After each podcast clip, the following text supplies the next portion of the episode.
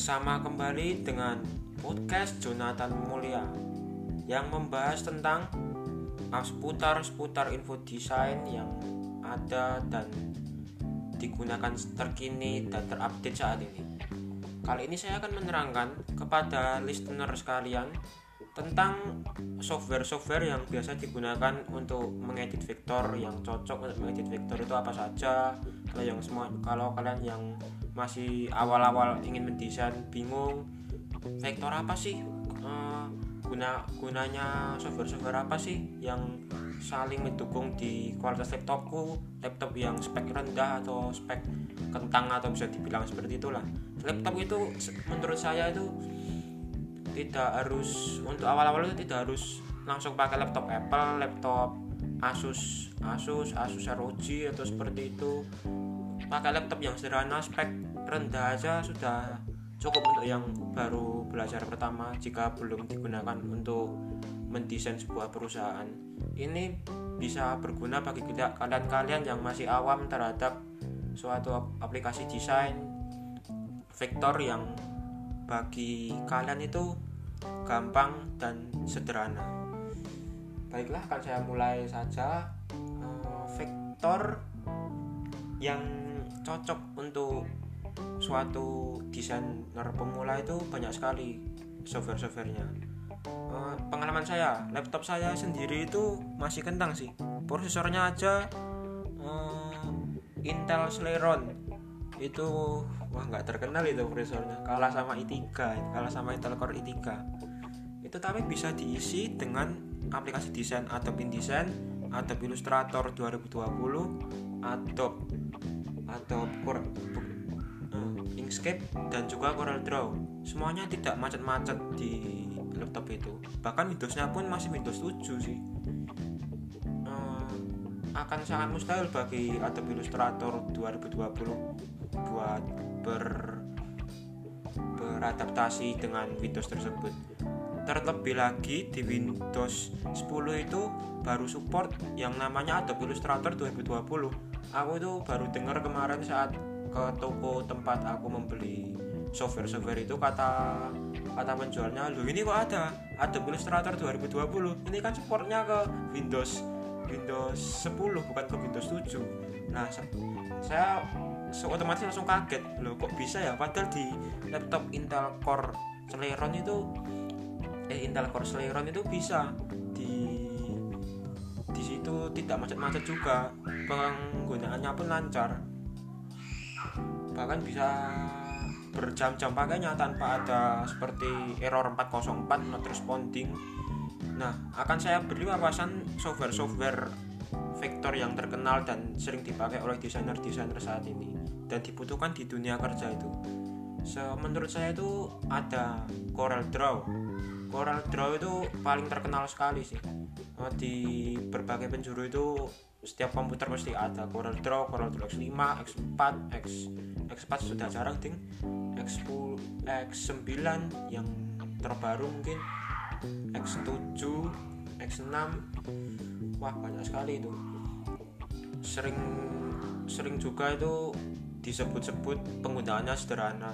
Karena saat menggunakannya pun tidak perlu pakai layar pakai pakai apa itu halaman-halaman untuk mengganti-gantinya juga cukup ada order in front of send to back lalu back to page. Banyak sekali itu. Menurut saya itu masih yang paling sederhana itu Corel Draw cocok buat pemula. Lalu apa itu? Ada juga Adobe Illustrator. Adobe Illustrator ini sedikit membingungkan menurut saya. Di dalam Adobe Illustrator itu cara menggambar vektornya ada dua cara. Hmm, dua susunan menurut saya. Saat saya coba itu ada layernya penyusunan layernya itu bagaimana lalu penggunaannya perataannya saat akan finder yang mengatur seperti intersect saat akan membuat gear. Pengaturannya tool-toolnya itu menurut saya yang 2020 ini lebih banyak daripada Corel Draw bahkan saat menggambar itu lebih rapi di Adobe Illustrator menurut saya saat saat menggambar itu keluar sendiri seperti ruler ruler-ruler yang otomatis itu loh hmm, biar bisa tersambung dengan garis-garis vektor objek-objek yang di atasnya supaya lurus, vertikal, horizontal atau yang bagaimana itu. Hmm, lalu ada juga software-software seperti Affinity Design, terus RecArch. RecArch ini di bisa dibilang ini software yang di uh, diprioritaskan di HP atau Android Android yang kita bawa sekarang ini. Uh, ini kualitasnya pun bisa tidak tidak harus vektor sih ini. Ini bukan vektor yang yang record ini dalam record ini disajikan berbagai tool di mana toolnya itu memberi kita seperti water watercolor brush yang bisa diberikan di sebuah media elektronik. Uh, tentunya watercolor brush itu tidak harus di langsung kayak secara manual di elektronik pun juga bisa watercolor brush itu harganya harganya di Play Store itu sekitar 40-an ribu 45 ribuan. Aku pakai yang bacakan tapi tak coba. Pertama kali ya sedikit membingungkan juga. Masih mudah Corel Draw. Nah ada juga software berikutnya itu yang namanya Autotext Sketchbook versi komputer. Ini katanya support vektor kata-kata di postingan-postingan itu. Seringkali kita jumpai tag-tagan auto text sketchbook ketika melihat di sebuah Instagram uh, yang arts arts itu.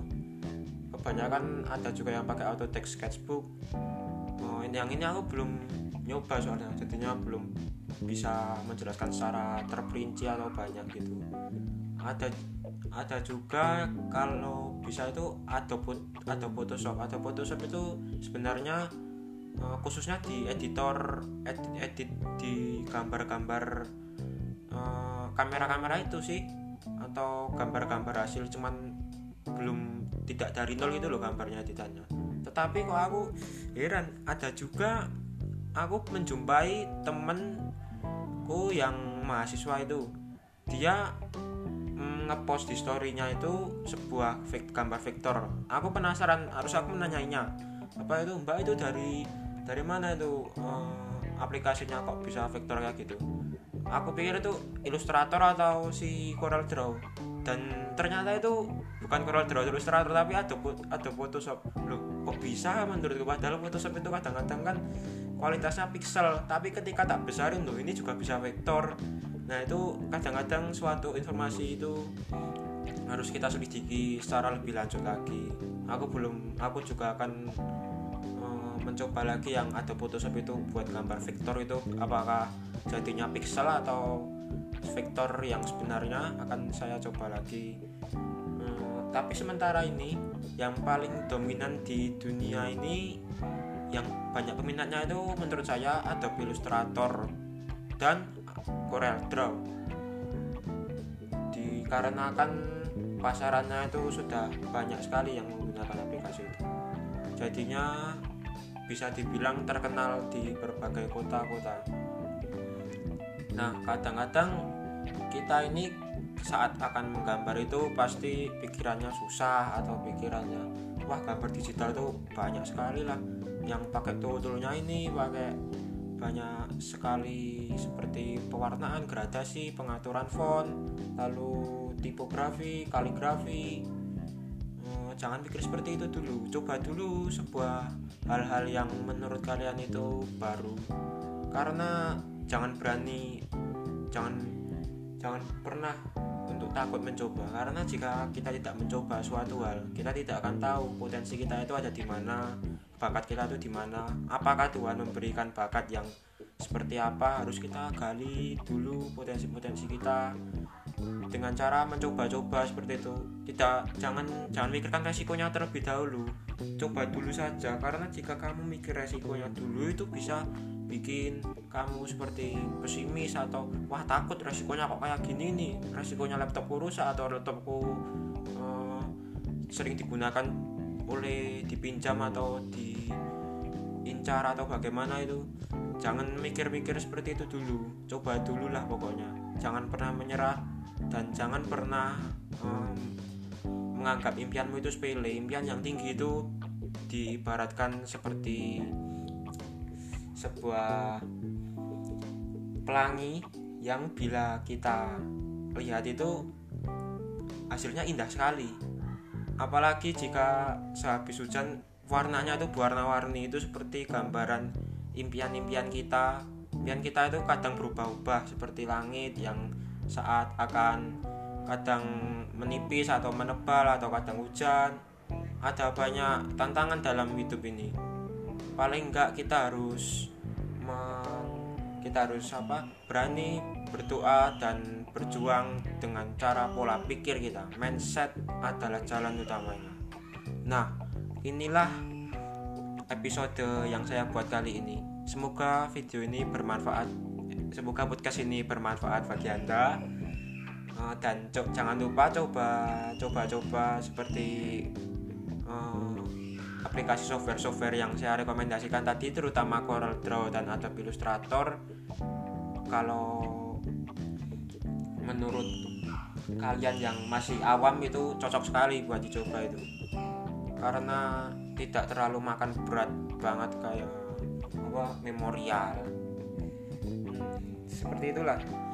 Oke terima kasih dan semoga hari kalian menyenangkan